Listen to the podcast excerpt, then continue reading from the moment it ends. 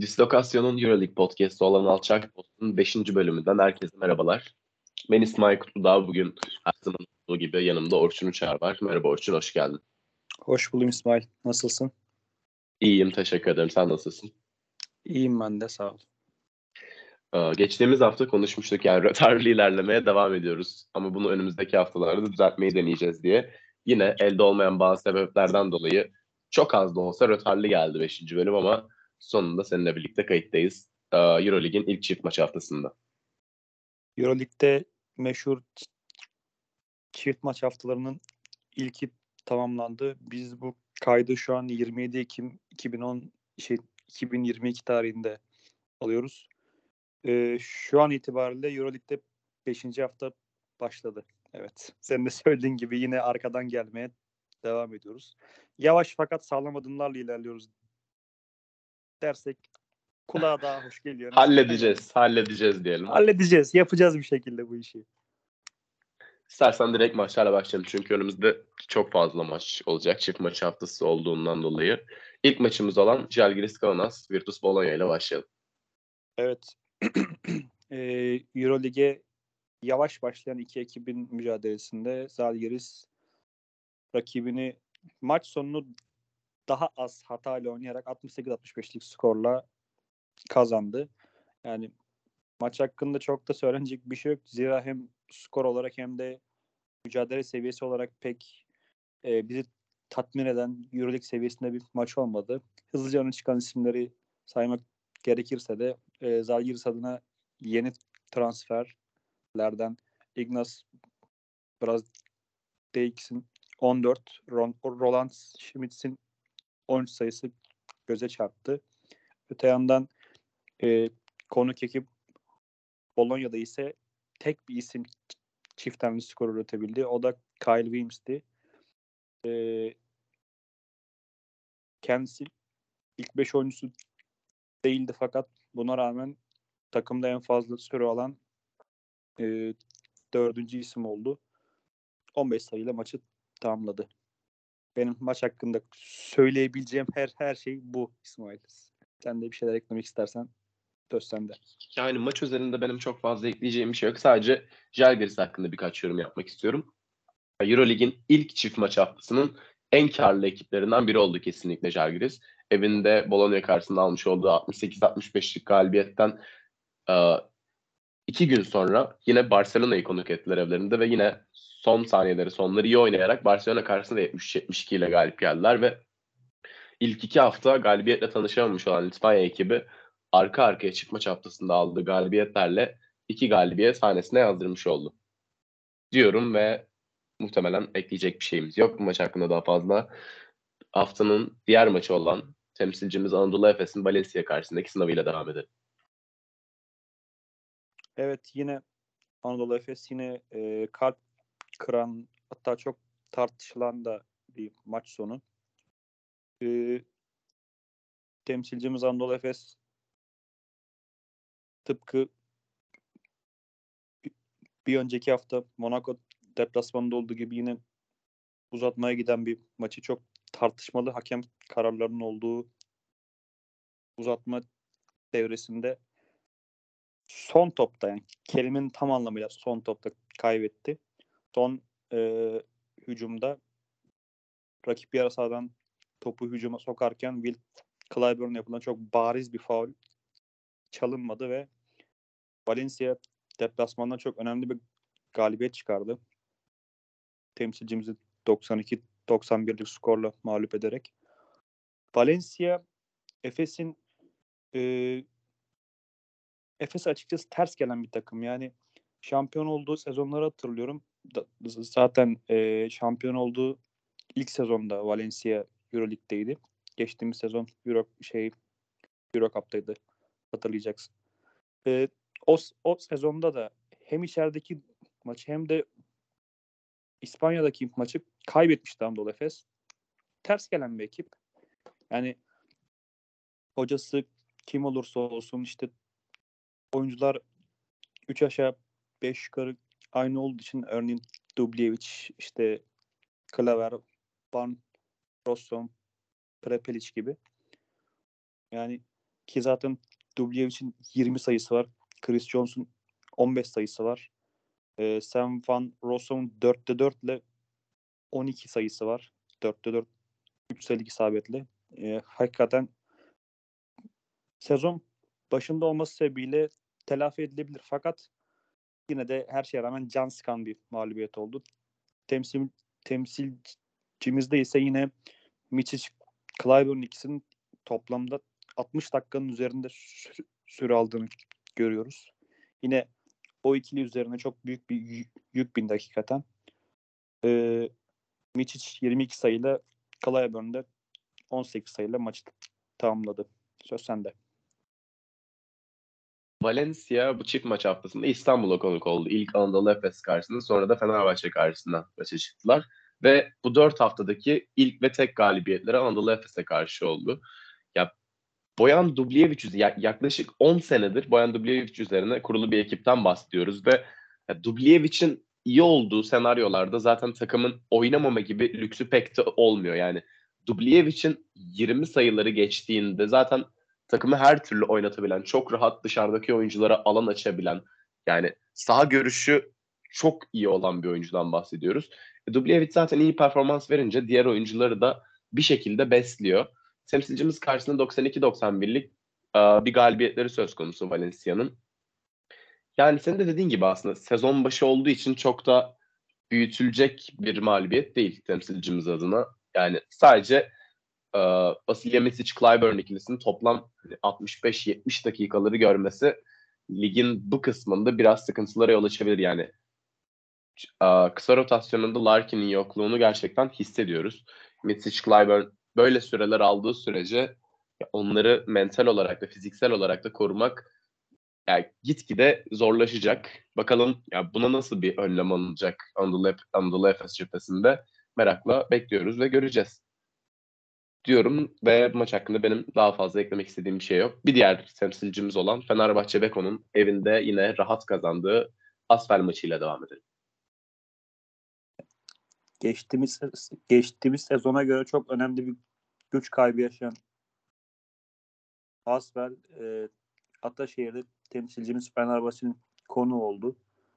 Temsilcimiz Fenerbahçe çok rahat bir oyunla e, özellikle son çeyrekte maçı şey düzeltiyorum. Üçüncü çeyrekte maç resmen kırdı. 23-10'luk bir periyot skoru vardı temsilcimiz lehine.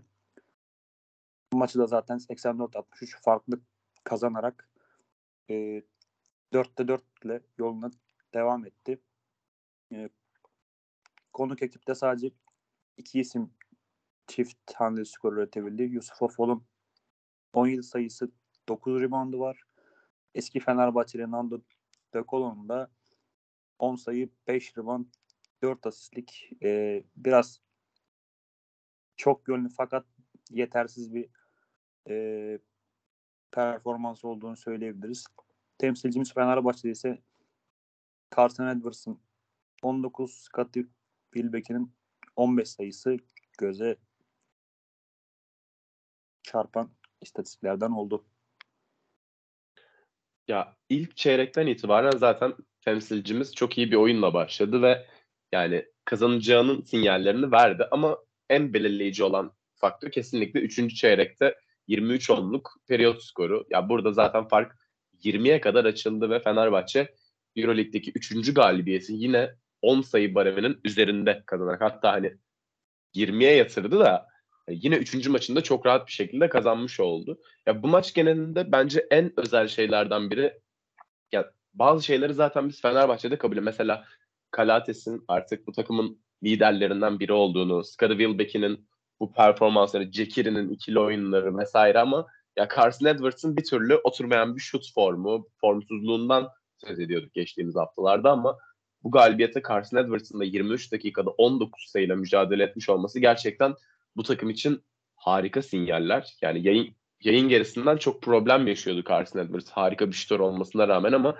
bu maçta yayın gerisinden 4'te 3 ile oynadı ve az önce de söylediğim gibi toplamda 19 sayı imza attı. Yani bu tarz maçları yani böyle oyuncularla kazanmak gerçekten çok değerli. Hani çok yeni bir ekipten bahsediyoruz. Yani oturması çok zor bir ekip demiştik e, sezonun başında ama ya bizi yanılttı İzodis'in öğrencileri ve çok rahat bir şekilde kimyayı yakaladılar. Ama devreye giremeyen oyuncuların her hafta farklı birinin gündem olarak maçı kazanması gerçekten dediğim gibi çok değerli. Hani geçtiğimiz haftalarda Kalates Cekiri ikili oyunları, Wilbeck'in bireysel performansları olsun. İkinci haftada yine keza Goodrich'in bench'ten gelip 23-24 sayılık bir katkısı var. Yani zaten Motley de yine aynı şekilde. Her seferinde başka bir oyuncu, her hafta başka bir oyuncuyu bu şekilde kazanması temsilcimiz adına gerçekten çok özel. Ve İTODİS'in öğrencilerini bir kez daha kutluyoruz. Üçüncü galibiyetlerini de yine çok rahat bir şekilde almış oldular Asfer karşısında Ataşehir'de. Evet. Bu maç özelinde eklemek istediğin bir şey var mı? Ya, Fenerbahçe e, doğru oyunla ve çok iyi skorlarla yoluna kayıpsız devam ediyor. Sıradaki maç olan Monaco Maccabi yani beni da, e, pardon çok pardon. Çok önemli değil. Yani Monaco ikinci haftada sahasında temsilcimiz Anadolu Efes'i yine uzatmaya giden maçta 10 topta mağlup etmişti. Rakip Maccabi ise e, ev sahibi Maccabi ise daha doğrusu e, deplasmanda temsilcimiz Fenerbahçe'ye yani Wade Baldwin'in pek de gününde olmadığı bir akşamda farklı kaybederek e, ilk mağlubiyetini almıştı. Bu maç üzerinde en dikkat çeken şey Monaco'nun ikinci yarı toplam sadece 28 sayı atabilmiş olması ve buna karşılık potasında tam 47 sayı görmesi. Maccabi hakikaten o müthiş seyircisinin de desteğiyle e, maçı ikinci yarıda kendi lehine çevirdi diyebiliriz. Monaco açısından e, Jordan Lloyd'un 21, Mike James'in 15 sayısı var. Fakat e, uzunlardan hiçbir şekilde katkı sağlanamadı.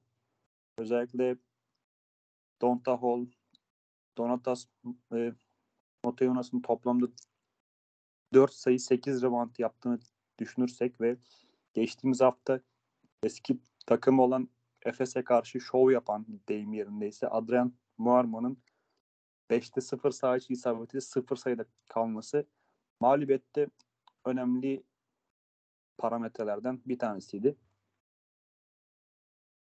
Ev sahibinde ise e, Wade Baldwin'in 21 şut kullanıp 21 sayı attığı gözüme çarptı açıkçası.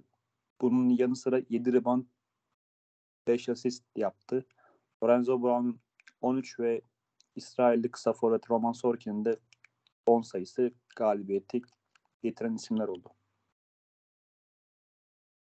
Bu çift maç haftasının ilk ayağının en sürpriz skorlarından biri bence. Ya Monaco'nun ne kadar korkunç bir ekip olduğunu zaten defalarca söylemiştik ki skorları da bunu ya bu yorumumuzu destekler nitelikte. Yani şu an Fransa Ligi'ne baktığımızda 6'da 6 ile başladılar. Ee, çift maç haftasının ikinci ayında da zaten Panathinaikos'u mağlup ettiler ki şu anda Olympiakos deplasmanında maçları oynanıyor. Beşinci hafta maçları oynanıyor ve 56-51 öndeler. Mike James harika bir performans gösteriyor şu an. Yanlış hatırlamıyorsam 12-5-5 de en son. Şu an bakamıyorum. Aa, ama yani dediğim gibi çok pardon bir dikkat dağınıklığı sorunu yaşayan bir yandan Orçun'la iletişime geçiyoruz. Yayınla ilgili benim dikkatim dağıldı. Kusura bakmayın. Dediğim gibi çift maç haftasının ilk ayağının en şaşırtıcı skorlarından biri oldu. Kataş'ın öğrencileri müthiş bir son çeyrek oynadılar ve Monaco karşısında 78-70'lik galibiyetle gülmeyi başardılar. Wade Baldwin 21 sayı, 7 rebound, 5 asistle maçı tamamladı ve belki de yani istatistik bağlamında e, haftanın en iyi performanslarından birinin altına imzasını atmış oldu. Lorenzo Brown da yine keza o şekilde istatistik kağıdının her yerini doldurdular. Lorenzo Brown da maçı 13 sayı, 7 rebound ve 7 asistle tamamladı. E, bu galibiyetle birlikte Maccabi ikinci galibiyetini almış oldu ama çıkma haftasının diğer e, ayağını da göze, göz önünde bulundurduğumuz takdirde 4'te 3 ile başlamış oldular. 3 galibiyet, 1 mağlubiyet ve tek mağlubiyetleri temsilcimiz Fenerbahçe Beko karşısında. Bu maç hakkında benim yorumum bu kadar. Sıradaki maç Bayern Münih Barcelona ile devam edelim istersen.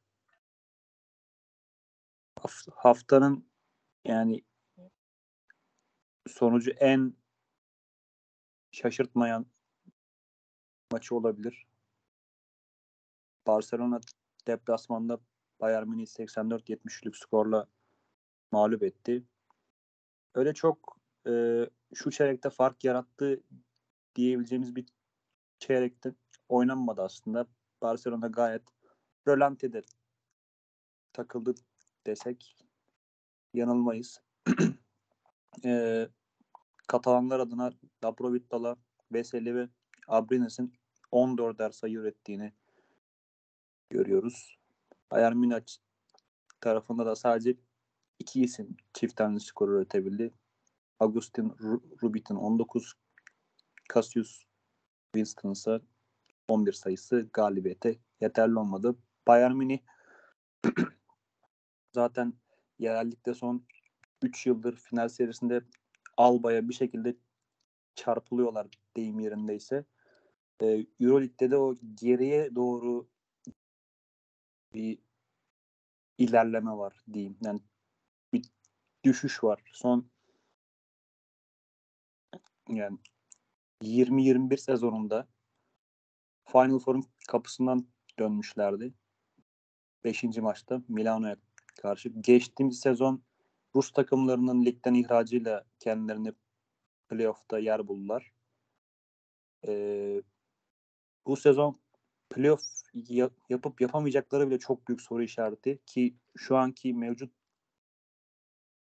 gidişleri gidiş değil diyebiliriz. Yani bu,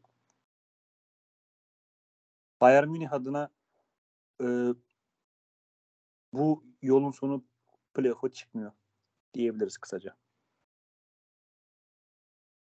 Bu maçla birlikte Trinkier'in öğrencileri 3'te 0 oldu. Çıkma çaptasının diğer e, ikinci ayağında ise yine Olimpia Milano karşısında evlerinde 81-83 ile kaybettiler ve Bayern Münih şu anda totalde baktığımızda 4'te 0 ile başladı. Yani geçtiğimiz 2-3 senenin bir şekilde sürpriz ekibi olmayı başaran bir ekipten bahsediyoruz. Çok fazla kan kaybettiler. Kadroda değişiklikler oldu. Evet ama yani Trinkieri'nin her zaman bir numarası olduğuna inanırım ben.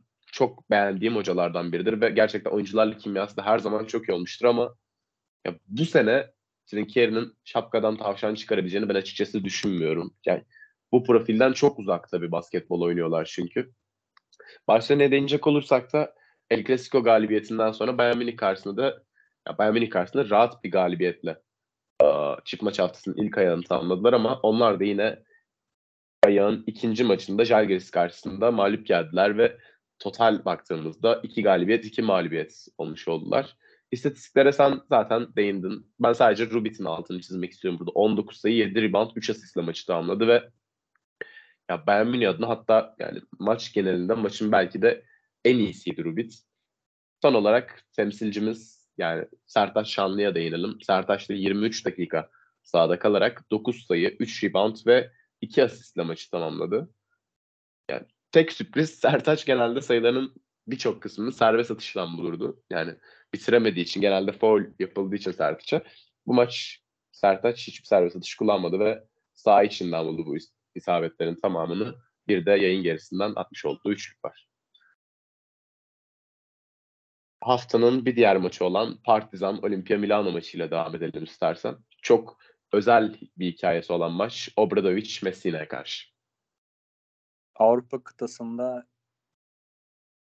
bu kadar uzun süredir böyle yüksek seviyede koçluk yapan iki isim kozlarını paylaştı desek yanlış olmaz herhalde. Ee, bir tarafta NBA tecrübesine de sahip. Çok ciddi bir NBA tecrübesine de sahip. Ettore Messina. Diğer tarafta ise bu kupayı en fazla kazanan koç. Yani daha da fazla bir şey söylemeye gerek yok aslında. Jelko Obradovic. Obradovic birkaç sezonluk aranın ardından e, Partizan'la yeniden lige sahibi olduğu lige geri döndü diyebiliriz. Fakat e, bu geri dönüş onlarına pek bekledikleri gibi başlamadı açıkçası. İki maç üst üste 100 sayı üstündeydiler. Maçlardan bir tanesi her ne kadar uzatmaya gitmiş olsa da. E, geçtiğimiz haftaki kayıtta şöyle bir şey söylemiştim. Partizan bu sefer 100 sayı yemeyecek. Çünkü rakip Olimpia Milano diye. Hakikaten de öyle oldu. Ee, Partizan harika başladığı bir maçı yani 8 sayıda önde bitirdiler ilk yarıyı. Ee, kötü bir üçüncü çeyreğin ardından hem skor üstünlüğünü hem de oyun üstünlüğünü rakibe kaptırıp son çeyrekte sadece 14 sayı atınca maçı da 80-75'lik skorla kaybettiler ve 3. maçlarından da mağlubiyetle ayrıldılar. E, konuk ekip adına Shawn Shields 25 sayı üretti. E, yine Brandon Davies'in 15, Kevin Pangos'un 12, Billy Bayron'un 10 sayısı. Yani farklı isimlerden çift tane skor üretince özellikle 3. çeyrekte maçı da ellerine aldılar diyebiliriz. Öte yandan Sırp temsilcisinde ise Zach Lidey'in 6'da 5 üçlük attığı akşamda 23 sayısı galibiyete yeterli olmadı. Bir diğer dikkatimi çeken istatistik ise şu oldu. E, Partizan 21'de 11 üçlük attığı maçı yine ne yaptığını etti bir şekilde kaybetti hakikaten çok şaşırtıcı yani bu durum. Kadar yüksek yüzdeli üçlük attığınız bir akşamda kaybetmek oldukça moral bozucu olsa gerek. Gerçi rakip de 25'te 12 ile üçlük attı fakat yani burada en bariz fark şurada serbest atışlarda Partizan çizgiye sadece 9 kere gidebildi. Bunda 8 isabet sağlarken Olimpia Milano 15 kez çizgiye gitti ve 14 bu çizgi ziyaretlerinin 14'ünde isabet kaydetti. Beklediğimiz minvalde bir maç oldu açıkçası. Zaten geçtiğimiz hafta da konuşmuştuk. Partizan bu sefer 100 sayı yemeyecekti. Bundan emindik ama yine de bir galibiyet almasını beklemiyorduk. Ama buna rağmen Obradovic'in öğrencileri bence çok güzel savaştı bu maçta. Bize güzel bir maç izlettiler geçtiğimiz iki haftaya nazaran. Çok iyi bir ilk çeyrek oynadılar. Bu ilk çeyreği yani güzel bir ilk yarı sonuyla taçlandırdılar. Senin de dediğin gibi devreye 8 sayı farkla önde girdi Obradovic'in öğrencileri. Fakat uh, Messina'nın öğrencileri ya bir şekilde zaten 3. çeyrekte ortaya koymuş oldukları performansla maçın içine girmeyi ya bir o kadar da oyun yani Partizanlı oyuncuların kafasının içine girmeyi başardı. Zaten yani çok iyi son çeyrek oynayan bir takım. Çok iyi son çeyrek oynayan bir hocadan bahsediyoruz. Zaten oyuncuların tecrübesine baktığımızda da yine Milano'da e, Shawn Shields, Kevin Pangos, yani Nicola Melli, Kyle Hines. Ya bu oyuncular buraları ya kariyeri boyunca zaten çok iyi oynayan oyuncular. Böyle olunca da Partizan karşısında böyle taze bir ekip karşısında galibiyet kaçırılmaz oldu. Bireysel performanslara göz atacak olursak Kevin Pangos 12 sayıyla maçı tamamladı ki geçtiğimiz haftalarda Pengos'un performansının gitgide iyileşeceğini söylemiştik. Sağ içinde 3'te 3 isabet yakalarken yayın gerisinden 6'da 2 ile bitirdi ama yine de 4 top kaybı var.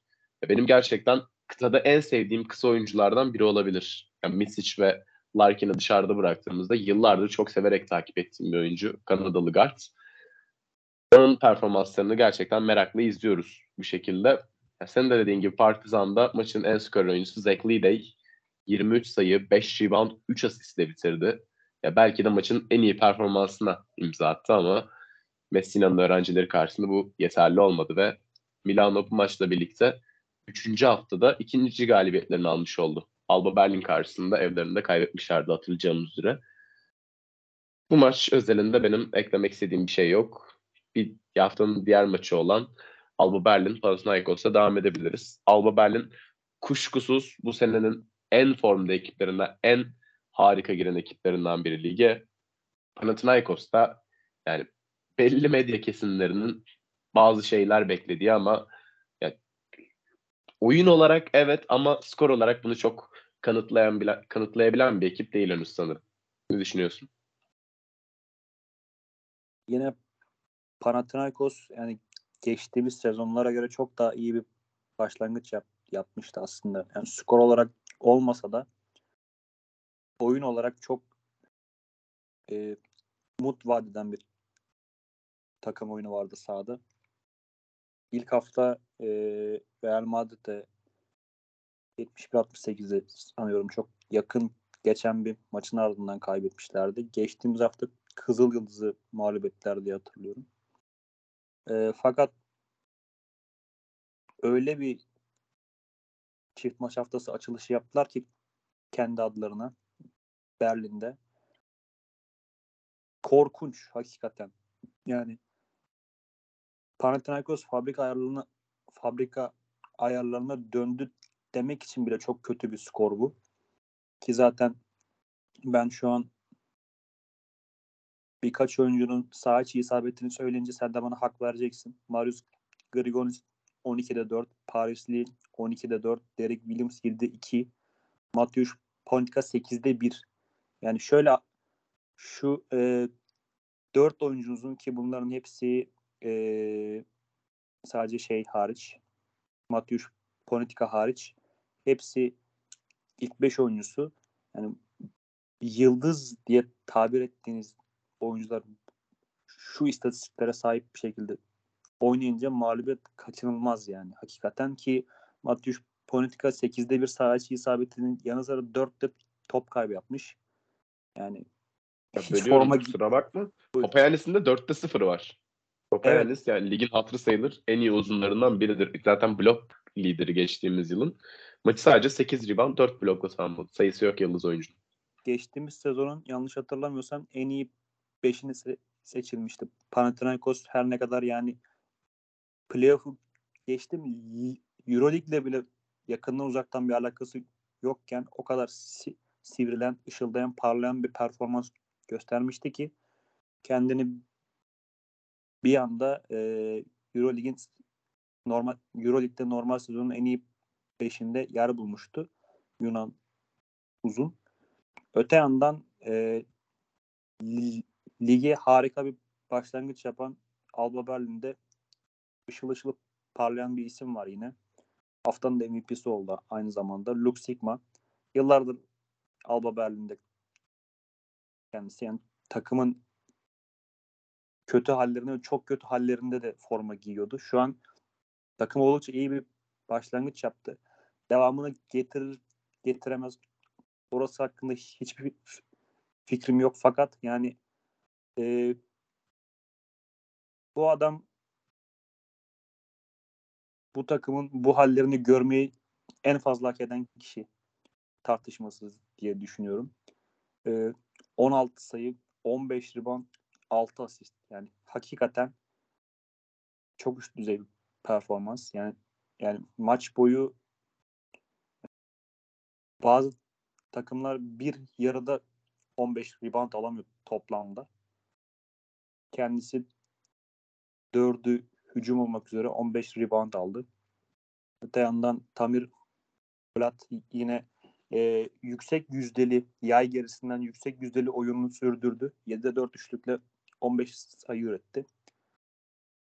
Yine yani Wetzel'in 11 Chris Komadze ve Jovel Zosman'ın onar sayısı e, Alba Berlin'e sahasında bu farklı galibiyeti 94-65'lik yani 29 sayılık çok ciddi bir fark var.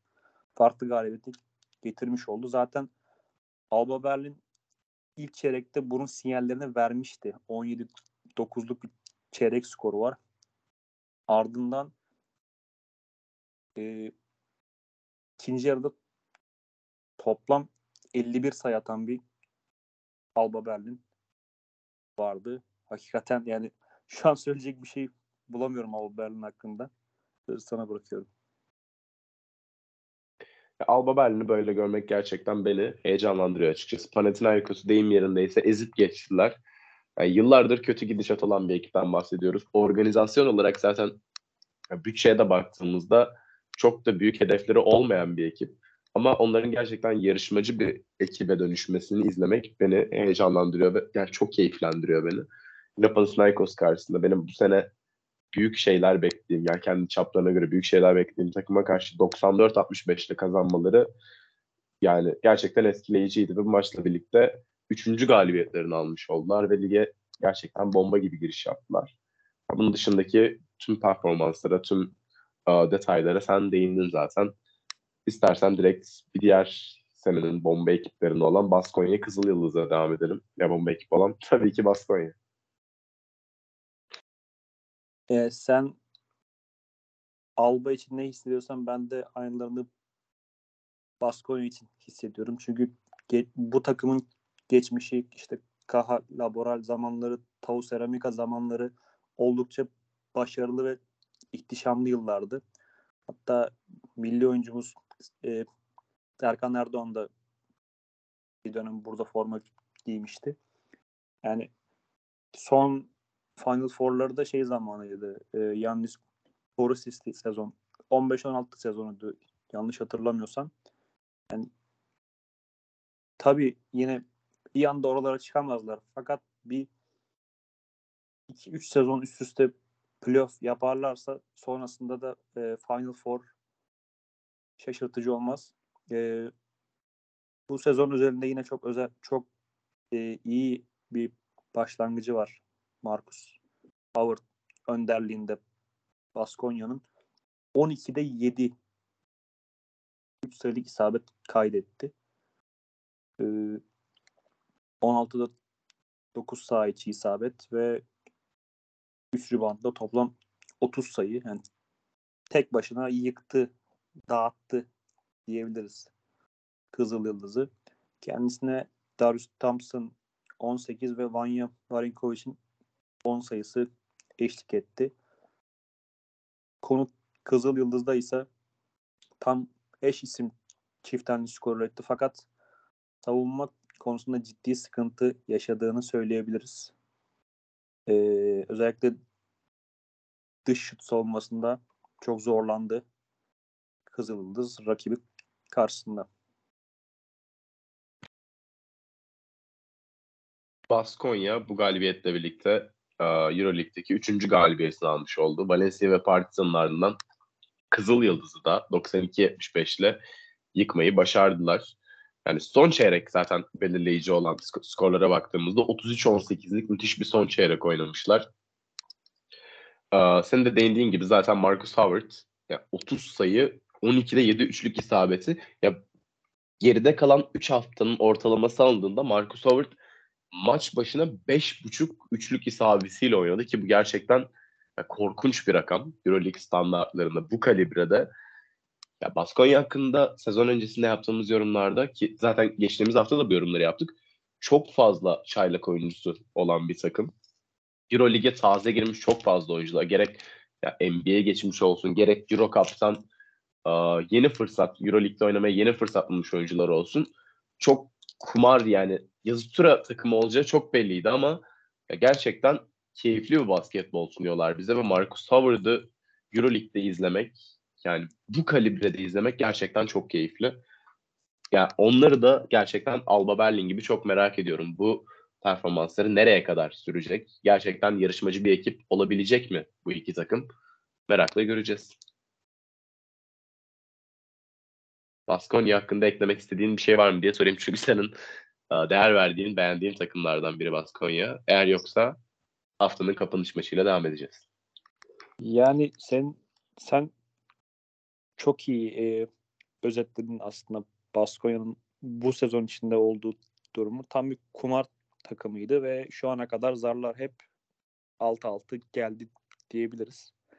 Dersten haftanın son maçı olan ve Euroleague klasiklerinde olan Olympiakos Real Madrid daha doğrusu Real Madrid Olympiakos maçıyla devam edelim. İspanyol ekibi sahasında e, aslında sürpriz sayılmaz. Şundan ötürü çünkü e, Real Madrid bu sezona biraz rölantide başladı. Olympiakos ise geçtiğimiz sezon Final Four'da nerede kaldıysa oradan devam ederek başladı ve e, maçı da 89-80'lik skorla kazandılar zaten. Olympiakos da yine e, çok özel bir performansa tanıklık ettik. Sasha Vezenkov zaten bu, bu, bu sezona da çok iyi bir başlangıç yaptı. 16'da 10 sağ içi isabetiyle e, 23 sayı 12 reboundla maçı tamamladı. Kendisine Tulukas 14, Bolomboy 11 ve Şakmak Kesik e, senin Olympiakos'ta en sevdiğin oyuncu olan Şakmak Kesik 10 sayıyla eşlik etti. Burada dikkat çeken bir istatistik. Az önce e, Marcus Howard'ın 12'de 7 üçlük attığını söylemiştik. Bu maç özelinde Olympiakos takım halinde 21'de 6 üçlük soktu ve ona rağmen Real Madrid gibi çok zorlu bir deplasmandan 89-80'lik bir galibiyet çıkarmayı başardı. Real Madrid ise e, 32'de 14 3 sayılık isabet kaydetti. Yüzde 43 gibi bir galibiyet almak için gayet yeterli bir e, yüzdeyi tutturdular. Fakat 5 e, oyuncusu çift taneye çıkmasına rağmen Real Madrid ne yaptığını etti ve bu maçı bir şekilde kaybetti. Açıkçası hakikaten çok da söylenecek bir şey olmuyor bazen. Bazen sadece kaybetmiş oluyorsunuz maçı yani. Yetmiyor. Çünkü basketbol sizin yapabildiklerinizden çok daha fazlası. Sizin yapamadıklarınız bu ve bu yapamadıklarınız için yapamadıklarınız içerisinde kontrol edebildikleriniz ve kontrol edemedikleriniz var. Real Madrid bu maç üzerine bazı şeyleri kontrol edemedi ve kaybetti diyebiliriz kısaca.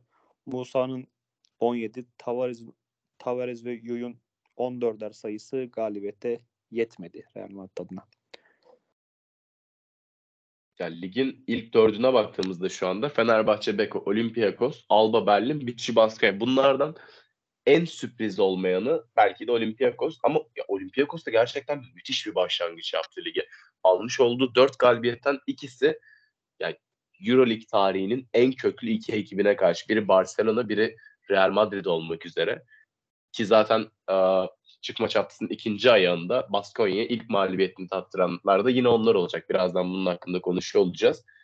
Müthiş girdiler lige ve Bezenkov'u böyle izlemek gerçekten inanılmaz keyifli. Şu an Bezenkov yani 20-10 falan ortalıyor maç başına. 20 sayı 10 reboundun üzerinde bir ortalama öyle oynuyor. Ve Bezenkov önderliğinde bu takımı izlemek gerçekten çok daha büyük bir zevk yani rol paylaşımında artık Bezenkov'un biraz daha ön planda olduğunu söyleyebilirim yani Sulukas'a nazaran. Geçtiğimiz sene zaten yine aynı şekilde Sulukas, Bezenkov önderliğinde oynayan bir takımdı ama Bezenkov bu sene biraz daha ağırlığını koyuyor. Biraz daha fazla sorumluluk alıyor ve takımının şu anda açık ara farklı en iyi oyuncusu ve Olympiakos'ta 4'te 4 ile başladı lige. Müthiş bir başlangıç.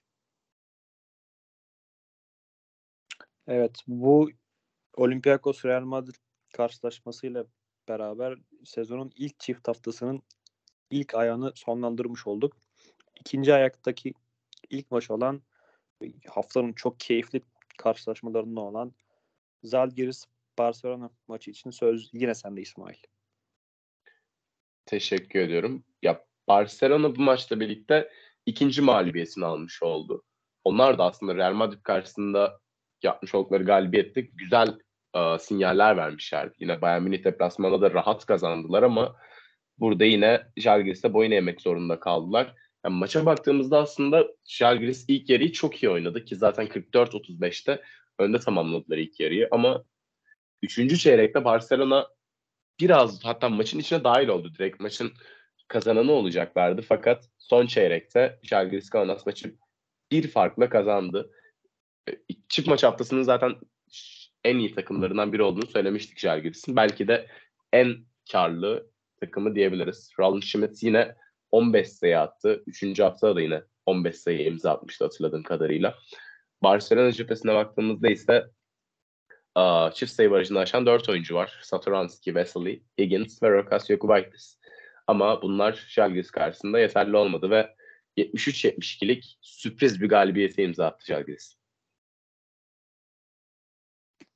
Haftanın hafta deyim yerindeyse sürprizle başladı diyebiliriz. Ee, ben bu maçın son çeyreğine, son çeyreğine yetişebildim. Ee, çok kafa kafaya giden bir son 10 dakika oldu. Yani üstünlük sürekli el değiştiriyor. Ee, takımlar çok kısa sürelerde 5-0, 6-0 gibi mini diyebileceğimiz seriler yakalıyor. Fakat e, Zalgiris son topta Laprovitola'yı e, sol dibe kadar güzel sıkıştırdı ki hakikaten yani şey düzeltiyorum e, Satoranski'yi o kadar güzel sol dibe sıkıştırdı ki yani hakikaten yapacak hiçbir şey yoktu. Zalgiris çok akıllı bir son top savunmasıyla hem maçı kazandı hem de bu sezonki ikinci galibiyetlerini elde etmiş oldu. Ee, Barcelona adına 21-11 lig Barcelona lehine sonuçlanan çok ciddi bir çeyrek skor olmasına rağmen Zalgiris iyi oynadığı ilk yarının ardından son çeyreği ve son topu da çok doğru oynayıp maçı da 73-72'lik skorla kazandı ve her iki takım da iki galibiyet, iki mağlubiyetlik dereceye gelmiş oldu. Barcelona adına Veseli'nin 12, Satoranski, Higgins ve Jokubaitis'in onar sayısı galibiyete yeterli olmazken e, ev sahibi Zalgiris adına Evans'ın 18, Ulanovas ve Schmitz'in 15'er sayısı Litvanya temsilcisi adına galibiyeti getirdi. Kendi içinde çok fazla hikayesi olan bir maç aslında. Roland Schmitz e, Barcelona'da geçirdiği yıllardan sonra Zalgiris'in yolunu tutmuştu ve eski takımına karşı 9'da 5 sağ isabetiyle 15 sayıyla maçı tamamlamış oldu. Öte yandan e, Barcelona'da ise Rokas e, Yokubaitis yine eski takımına karşı oynayan bir diğer isimdi. 8'de 4 sağ içi isabetiyle 10 sayı maçı tamamlamış oldu. Son olarak yine bir eski dosttan söz etmek istiyorum. Sarunas Yaskevicius elbette bu isim. Zalgiris'e seneler sonra bir Final Four oynattı. Bu başarı sonu Barcelona'nın kapılarının ardına kadar açtı. Fakat Barcelona'nın başına geldiğinden beri e, yaptığı yüksek maliyetli transferler ve sonucunda bir türlü gelmeyen o Euroleague kupasının hesabı soruluyor. Hala soruluyor kendisine. Bu, bu sezon özelinde de yine çok hakikaten yani All-Star seviyesinde bir takım kurdu. Fakat hala o tallantı, hala o oturmamışlık göze çarpıyor çok ciddi bir şekilde. Ee, bakalım Barcelona geçtiğimiz sezonlara çok daha iyi, çok da baskın başlayıp sorunu bir türlü bağlayamazdı. Bu sezon çok iyi başlamadılar. Homurtlar giderek yükseliyor. Ee, eğer Barcelona bu şekilde devam ederse Yasikevicius'un koltuğu ciddi şekilde sallantıda olabilir diyorum. Ve sıradaki maç olan e, Fenerbahçe Ülker temsilcimiz düzeltiyorum. Fenerbahçe Beko ve Valencia'nın Ataşehir'de ki karşılaşmalar için sözü sana bırakıyorum. Ya çift maç haftasında Türkiye'ye konuk oldu Valencia ve 3. haftada Anadolu Efes karşısında gerçekten çok zor bir galibiyete imza attılar. Ki az önce konuşmuştuk zaten Dublievic'in oyunuyla şekillenen bir takım demiştik. Yine aynı şekilde Fenerbahçe karşısında Dubljevic fena oynamadı aslında ama yani yüzde konusunda biraz 12'de 5 ile oynayıp 13 sayıyı imza attı. Ya maça da çok iyi girdiler aslında. Efes karşısında almış olduğu galibiyetten sonra o momentumu iyi bir şekilde kullandı Valencia. İlk yarıyı da ya 9 sayı farklı önde tamamladı ama temsilcimiz 3. çeyreği çok iyi oynayarak maça ortak olmayı başardı. Ya az önce şey söylemiştim hatırladığın üzere hani her hafta bir oyuncunun belirleyici olması Fenerbahçe'yi yukarı çeken faktörlerden biri. Bu haftanın yani bu maç haftasında Fenerbahçe'nin Valencia karşısında almış olduğu galibiyetin de hani Yine bakıyorum yine farklı bir X faktör var ortada. Nigel Hayes 17 sayı, 2 rebound, 2 asist, 3 top çalma. Yani müthiş bir performans. Yine Motley de keza 16 sayı, 5 rebound, 3 asistle tamamladı maçı. Ya her haftanın takım içinde kendi özel bir hikayesi var gerçekten ve bu takım birbiriyle oynamaya yavaş yavaş alışıyor ve daha alışmamış hali yani uzaktan baktığımızdan söylüyorum tabii ki. Alışmamış hali 4'te 4 ile başladı lige. Müthiş bir başlangıç Fenerbahçe Beko'dan. Maçın en skorer oyuncusu 20 sayı, 5 rebound, 5 asistle Scottie Wilbeck'in oldu. Valencia ekibine baktığımızda ise az önce de söylediğim üzere Dublievic'in 13 sayısı var. Onlarda da maçın en skorer oyuncusu Chris Jones. 16 sayı, 7 rebound, 3 asist anladı maçı ama Fenerbahçe karşısında yeterli olmadı ve temsilcimiz 79-77 kazanarak Euroleague'deki dördüncü haftasında galibiyetle tamamlamış oldu.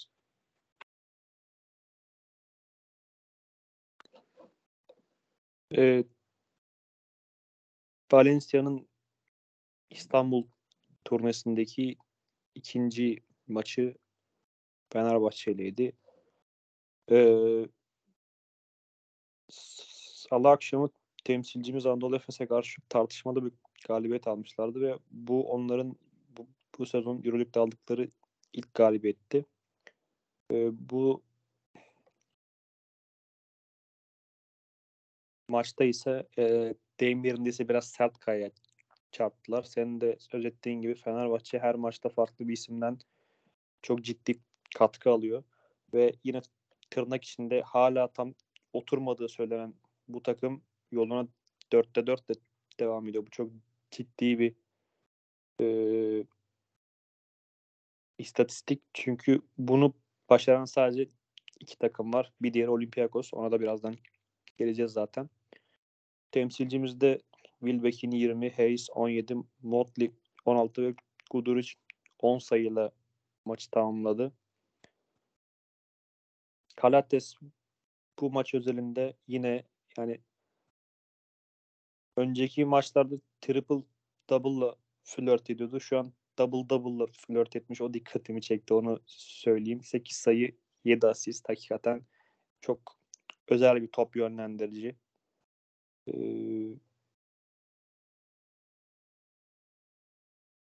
Valencia yani objektif olarak söylemek gerekirse Fenerbahçe maçını Anadolu Efes maçından çok daha iyi oynadı aslında. Fakat e, birkaç tercih hatası diyelim. Özellikle son çeyrekte çok bariz yanlış top kullanımları vardı.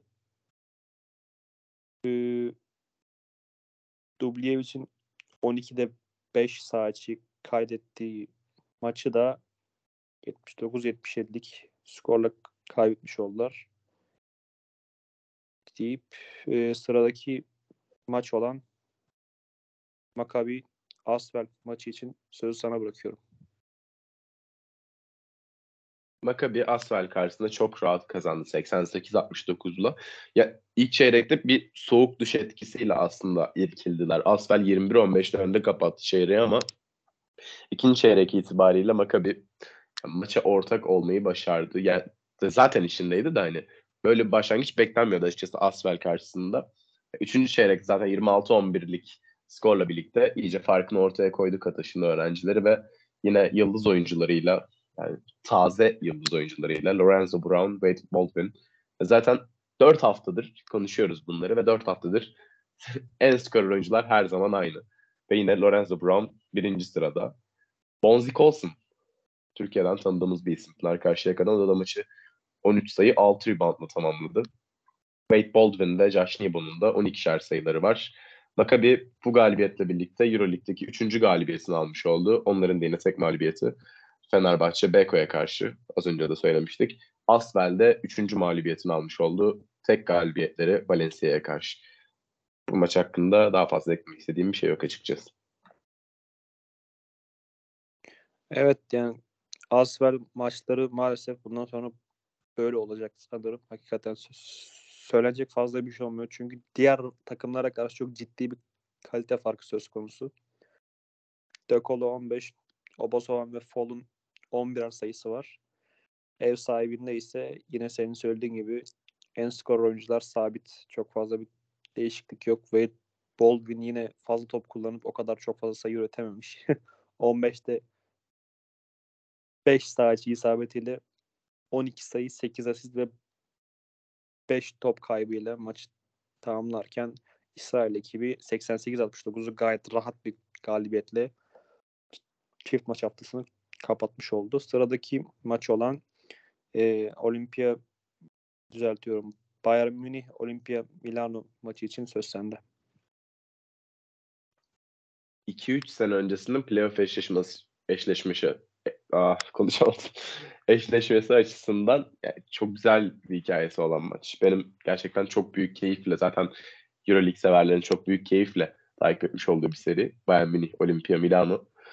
Trinkieri o günleri çok iyi hatırlıyordur diye düşünüyorum ki bu maça da yine iyi hazırlanmışlar. Maça da yani benim bu söylediklerimi kanıtlar nitelikte iyi başladılar ama yine yani dönüp dolaşıp aynı yere geliyoruz. Milano bir şekilde 3. çeyrekte maçı ortak oluyor ve son çeyrekte o maçı alıyor. Yani bunların üzerine zaten defalarca konuştuk. Az önce de konuştuk. Ya hoca olsun, eldeki oyuncu kalitesi olsun, burayı oynama kapasitesi olsun. Milano yani sene boyunca bunları yapmaya devam edecek. Bu galibiyetle birlikte 3. galibiyetini almış oldu. Olimpia Milano tek mağlubiyetleri Alba'ya karşı. 74-80'di yanlış hatırlamıyorsam ikinci haftada.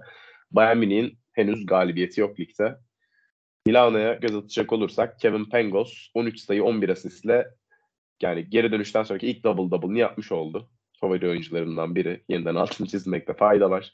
Takımın diğer yıldız oyuncuları Brandon Davies 14 sayıyla maçı tamamladı ve maçın en skor oyuncusuysa 60 oldu 17 sayıyla. Yani bunun yanında 6 rebound 3 asist 3 top çalması da var. Nikola Melli oldu.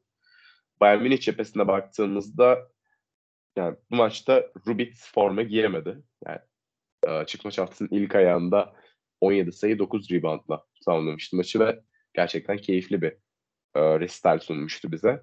Ama bu haftada Cassius Winston e, dikkat çekti Bayern Münih cephesinde. Maçı 20 sayı 5 reboundla tamamladı. Ama bu maalesef Milan'ın karşısında yeterli olmadı ve Ettore Messina'nın öğrencileri 83-81 ile bu zorlu Almanya deplasmanından çıkmış oldu ve 3. galibiyetlerini almış oldular. Yani senin de söylediğin gibi çok e, Eurolig'in yakın tarihinin en keyifli eşleşmesi yani ister normal normal sezonda eşleşsinler ister playoff zamanı eşleşsinler. Hakikaten bu iki ekip bize çok keyifli maçları izletti her zaman. Yine öyle oldu ki Bayern Münih bu sezonu çok kötü bir şekilde giriş yapmış olsa da yine çok kafa kafaya giden bir maç. Ee, ilk çeyrekteki 6 sayılık farkı son çeyreğe kadar taşıyan bir Bayern Münih ama son 10 dakikada ne yapıp ne edip hem kadro derinliği olsun hem buraları oynama tecrübesi açısından olsun daha iyi olan taraf Olimpia Milano'ydu ve 20-15'lik son çeyrek skoruyla maçı cebine koydu diyebiliriz. Skor çok yakın olduğu için öyle çok büyük fark yaratan bir e, takım istatistiği yok. Dolayısıyla maç hakkında çok da söylenecek bir şey yok yani. İstersen sıradaki maç olan e, Panathinaikos Monaco ile devam edelim. Obradovic ilk galibiyetini almış oldu bir bok karşısında. Bu senenin yeni iki takımı karşılaştı Eurolig'in dördüncü haftasında ve Partizan Bologna karşısında 90-62'lik rahat bir galibiyetle kazandı. Zaten maçın ilk saniyesinden itibaren bile diyebiliriz. İlk çeyrek zaten 27-11 bitti ki maç oynanırken senle de konuşma fırsatımız oldu. Yani Obradovic'in öğrencileri bir an olsun şans vermediler Bologna'ya. Zaten haftanın MVP'si James Nunnally oldu Partizan cephesinden konuşacak olursak. Paylaşımlarını hatırlıyorum bu şekilde. 20 sayı, 4 rebound, 4 asistle maçı tamamladı ve 11'de 8'lik harika bir yüzdeyle maçı tamamladı. Dante Exum yine isteneni veremedi açıkçası. Çok az sahada kaldı. 16 dakika sahada kaldı ama 3 sayı, 2 rebound, 2 asistle görüntülüyoruz onu. Yani takımın rahat galibiyet aldığı bir zamanda bile takımın yıldız oyuncusu olarak konumlandıran Dante Exum'un şu an 3 sayılı maçı tamamlıyor olması aslında Partizan'daki belli başlı sorunları gösterir nitelikte. Çünkü hala bir bu takımın ana skoreri kim? Kimin etrafında bu oyun şekillenecek? Bu tarz soruların cevabı yani belki verildi takım içerisinde ama hala bunu e, gösteremiyorlar. Hala bunu oynayamıyorlar Over the 3'ün öğrencileri. Ama yani Partizan özelinde bunları konuşmaya gerek var mı bilmiyorum. Çok iddialı bir ekip olduklarını düşünmüyorum ben açıkçası. Bologna karşısında rahat kazandılar. Bologna cephesinde yani söz konusu olacak hiçbir şey yok açıkçası. Takıma baktığımda sadece çift taneyi geçen Kyle Williams ve İsmail Bako var. Bako'nun 11 sayısı ve Kyle Williams'ın 10 sayısı. Yani olumlu hiçbir şey yok Bologna cephesinde. Onlar da uh, üçüncü mağlubiyetini almış oldular. Tek galibiyetleri Bayern Münih karşısındaydı ligin ikinci haftasında. Az önce sözü sana bırakırken e, yanlışlıkla e, Panathinaikos Monaco maçı için söz sana bırakıyorum diye söylemiştim. Orada bir yanlış oldu. Seyirci dinleyicilerimiz kusura bakmasınlar lütfen. E, bu maç üzerinde senin de gibi çok da söylenecek bir şey yok. Partizan yani e, ben buraya kazanmaya çıktım ve ilk galibiyetimi kendi seyircimin önünde almak istiyorum diyerek çıktı resmen parkeye. Zaten 27-11'lik ilk çeyrek skoru her şeyi açıklıyor. Kalan çeyreklerde de Partizan 3 çeyreğin tamamını kazandı ve her çeyrekte farkı daha da açarak 28 sayı gibi çok ciddi bir farkla maçı kazandı. Yani Bologna adına hakikaten söylenecek olumlu hiçbir şey yok. Şu an yine şey yapıyorum. Hızlıca bir istatistiklere göz atıyorum da Partizan reboundlarda 40-29'luk ciddi bir üstünlük kurdu. Öte yandan e, top kaybı ve asistlerde ise çok kayda değer bir şey yok. Yani çok fark yaratan bir şey yok. Sadece rebound üstünlüğü ve yüksek yüzdeli şutla yani rakibine nazaran yüksek yüzdeli şutla öyle çok Partizan'ın yüzdeleri de öyle çok sıra dışı bir yüzde değil. Hem ikilik hem üçlük hem de serbest atış. Buna rağmen konuk ekip Bologna çok kötü oynadığı için bu farklı mağlubiyette onlar adına kaçırılmaz oldu. Deyip sıradaki maç olan Anadolu Efes Alba Berlin maçı için sözü sana bırakıyorum.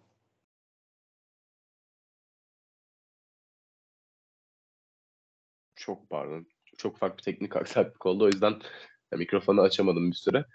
78-74 kazandık ligin Flash ekibi Alba Berlin karşısında ve ilk mağlubiyetlerini bizden almış oldular.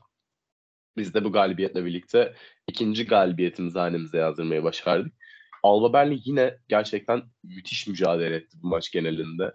Hatta son çeyreğe önde girmeyi bile başardılar 60-58'le fakat temsilcimiz maçın sonunu iyi oynayıp maçı kazanmayı bildi. Vasilya Mitsic yani 20 sayı 11 asistle öne çıktı ama yani 17'de 6'lık bir saha içi isabeti gerçekten korkunç olumsuz açıdan. Yani Will Clyburn'un da 16 sayı 11 rebound 4 asistlik performansı. O da yani 19'da 5 ile tamamladı. Bu kadar kötü yüzdeler yani yıldız oyuncularımızın yine 65-70 dakikalar oynayıp kadar düşük yüzdelerle oynadığı maçta maçı bir şekilde kazanmayı bildik. Yani başka söyleyecek bir şeyim yok açıkçası. Yine Mitsic Clyburn ikilisi toplamda 70 dakikaları gördü bu maçta. Evet, temsilcimiz sezona dolu dizgin bir başlangıç yapan rakibi karşısında 78-74'lük skorla galip gelmeyi başardı. Ee, bunu da son çeyrekteki etkili oyunuyla yaptı. 20-14 bu arada son çeyrek skoru temsilcimiz lehine. Ben temsilcimize dair söylenebilecek her şeyi söyledim. Ben sadece Alba Berlin'den e, Luke Sigma'nın performansına değinmek istiyorum. 13'te 3 sağ isabeti, 7 rebound, 7 asist, 4 top kaybı, 6 sayı üretebildi zaten. Amerikalı uzun. Yani zaten o kendi gününde olsaydı Alba Berlin buradan galibiyeti çıkarırdı. Zira Tamir Blatt da 8'de 5 gibi oldukça iyi bir üçlük yüzdesiyle oynamıştı. Fakat işte Luke Sigma'nın o bu sezon üzerinde kendi standardını yakalayamaması Alba adına mağlubiyetin kaçınılmaz olmasına sebep oldu diyebiliriz. Ee, sıradaki maç olan Monaco Panathinaikos için sözü sana bırakıyorum. Panathinaikos yine iyi bir oyunla maçı bitirdi ama yine skor olarak e, galip gelemediler. Ya Monaco zaten ben en başında da söyledim. Her zaman söylüyorum. Yine söylüyorum. Bu senenin ya bence Final Four adayı yani. Müthiş bir takım olduklarını düşünüyorum. İlk çeyreğe zaten harika girdiler. 29-13 ile başladılar. Ya Jordan Lloyd maçı zaten müthiş girmişti yanlış hatırlamıyorsam. İlk çeyrekte Jordan Lloyd, Mike James ikilisi direkt direksiyonu eline aldılar. Ee, ikinci çeyrekte Panathinaikos farkı biraz olsun indirmeyi başardı. Hatta üçüncü çeyrekte maça direkt ortak da oldular. Ama yani maçın sonunda Monaco'ya boyun eğdiler. Mike James'in 27 sayı, 4 rebound, 3 asistlik müthiş bir performansı var. Yani 16'da 9 saha içi isabetiyle uh, bu istatistikleri imzasını attı. Yani Panathinaikos iyi oynayıp kaybetmeye devam ediyor. Monaco'da yani bir şekilde kazanmaya devam ediyor. Bu arada az önce konuşurken söylemiştim. Şu anda 5. hafta maçları oynanıyor ve Monaco Olympiakos karşısında deplasmanda buradan duyuralım. Bir galibiyet daha hazırlar hanesinde ve Olympiakos ilk mağlubiyetini Monaco karşısında almış oldu. Yani Monaco'nun ne kadar korkunç bir ekip olduğunu kanıtlar nitelikte hani bir yargı daha Olympiakos karşısında da deplasmanda kazanmayı başardılar. Sasha Obradovic'in öğrencileri ve bu sene kesinlikle izlemesi en keyifli takımlardan biri. E, ligin en korkutucu kısa rotasyonuna sahip takımlarında olan Monaco sadece yüzde 26 ile üçlük attığı maçta e, rakibi 19 top kaybedince maçı bir şekilde kazanmış oldu. Panathinaikos isim isim baktığımızda yani iyi oynamasını beklediğiniz isimlerin hepsi iyi oynadı aslında. Papayannis hariç. Papayannis zaten sadece 3 dakika sahada kalabildi.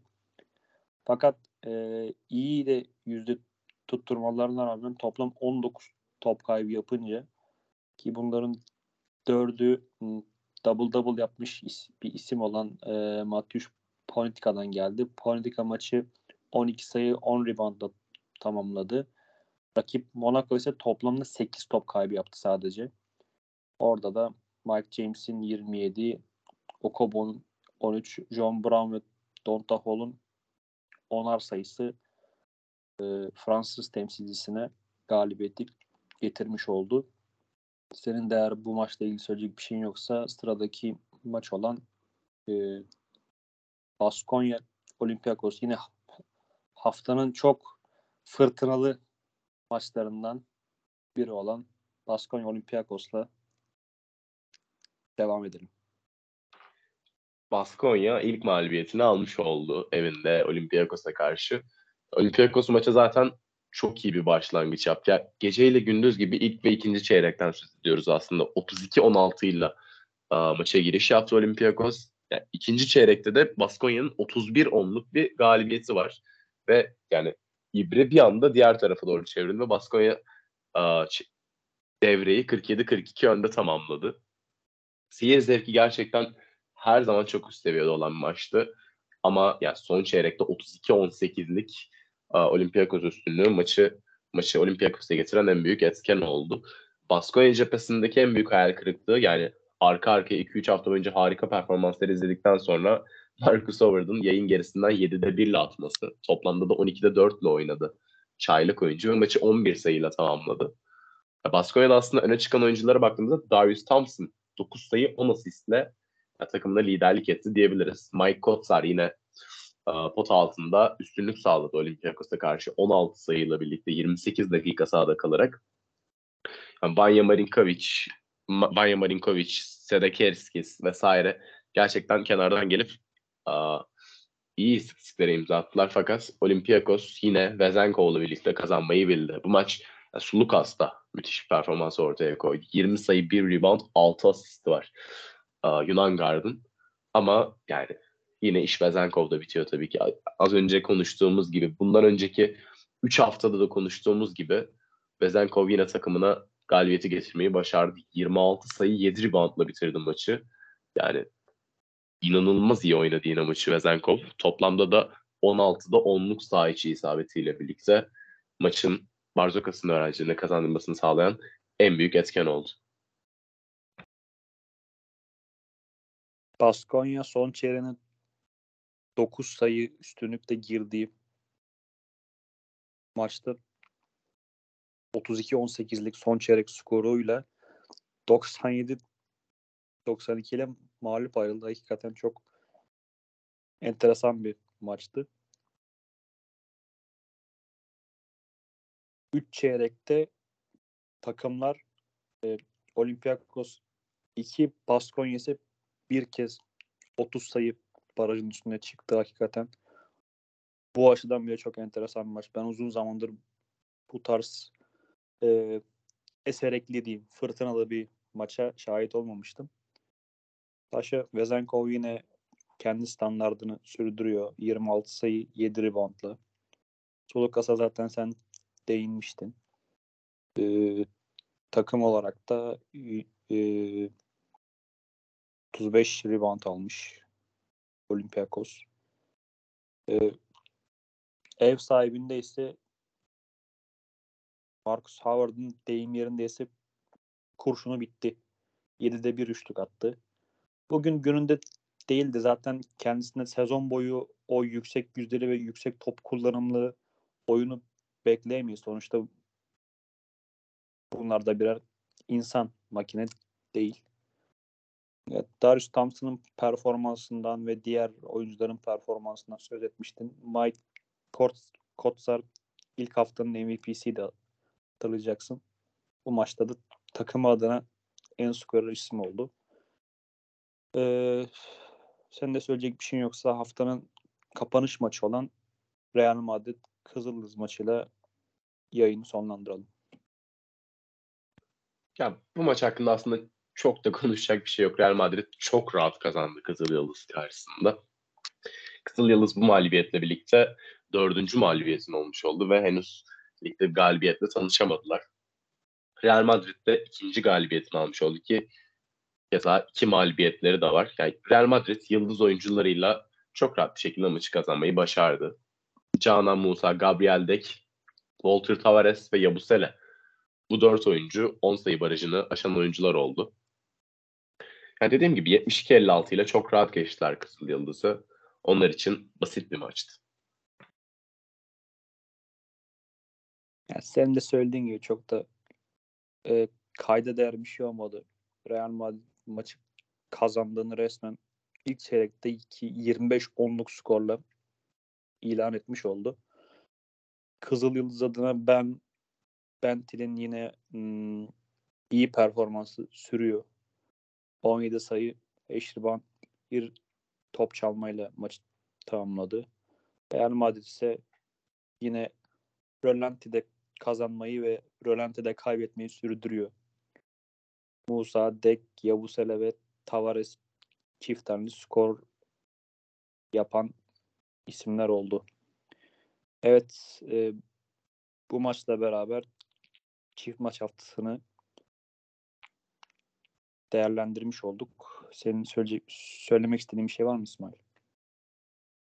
Gerçekten dolu dolu bir çift maç haftasını geride bıraktık diyebiliriz. Sürprizlerin çok da yer almadığı ama ya birkaç sürprizin olduğu yani Jalgiris Barcelona maçı gibi keyifli bir çift maç haftasını geride bıraktık aslında. Özlemişiz çift maç haftalarında. Bunu söyleyebilirim. Yani e, bizim açımızdan hiç, hiç sorun değil. Sabaha kadar konuşabiliriz. Fakat e, çift maç haftaları dinleyicileri de sıkmaması açısından çok e, hem konuşulacak maç sayısının fazla olması hem de bizim süreyi olabildiğince kısa tutmaya çalışmamız sebebiyle bazı maçlara yeterince değinemiyor olabiliyoruz bazen. Bunun için de dinleyicilerimiz kusur, kusurumuza bakmasınlar. Senin de söyleyecek bir şeyin yoksa yavaştan kapatalım. Biz dinlediğiniz için çok teşekkür ederiz. Önümüzdeki hafta 5. hafta maçlarında yeniden görüşmek üzere. Hoşçakalın. Hoşçakalın.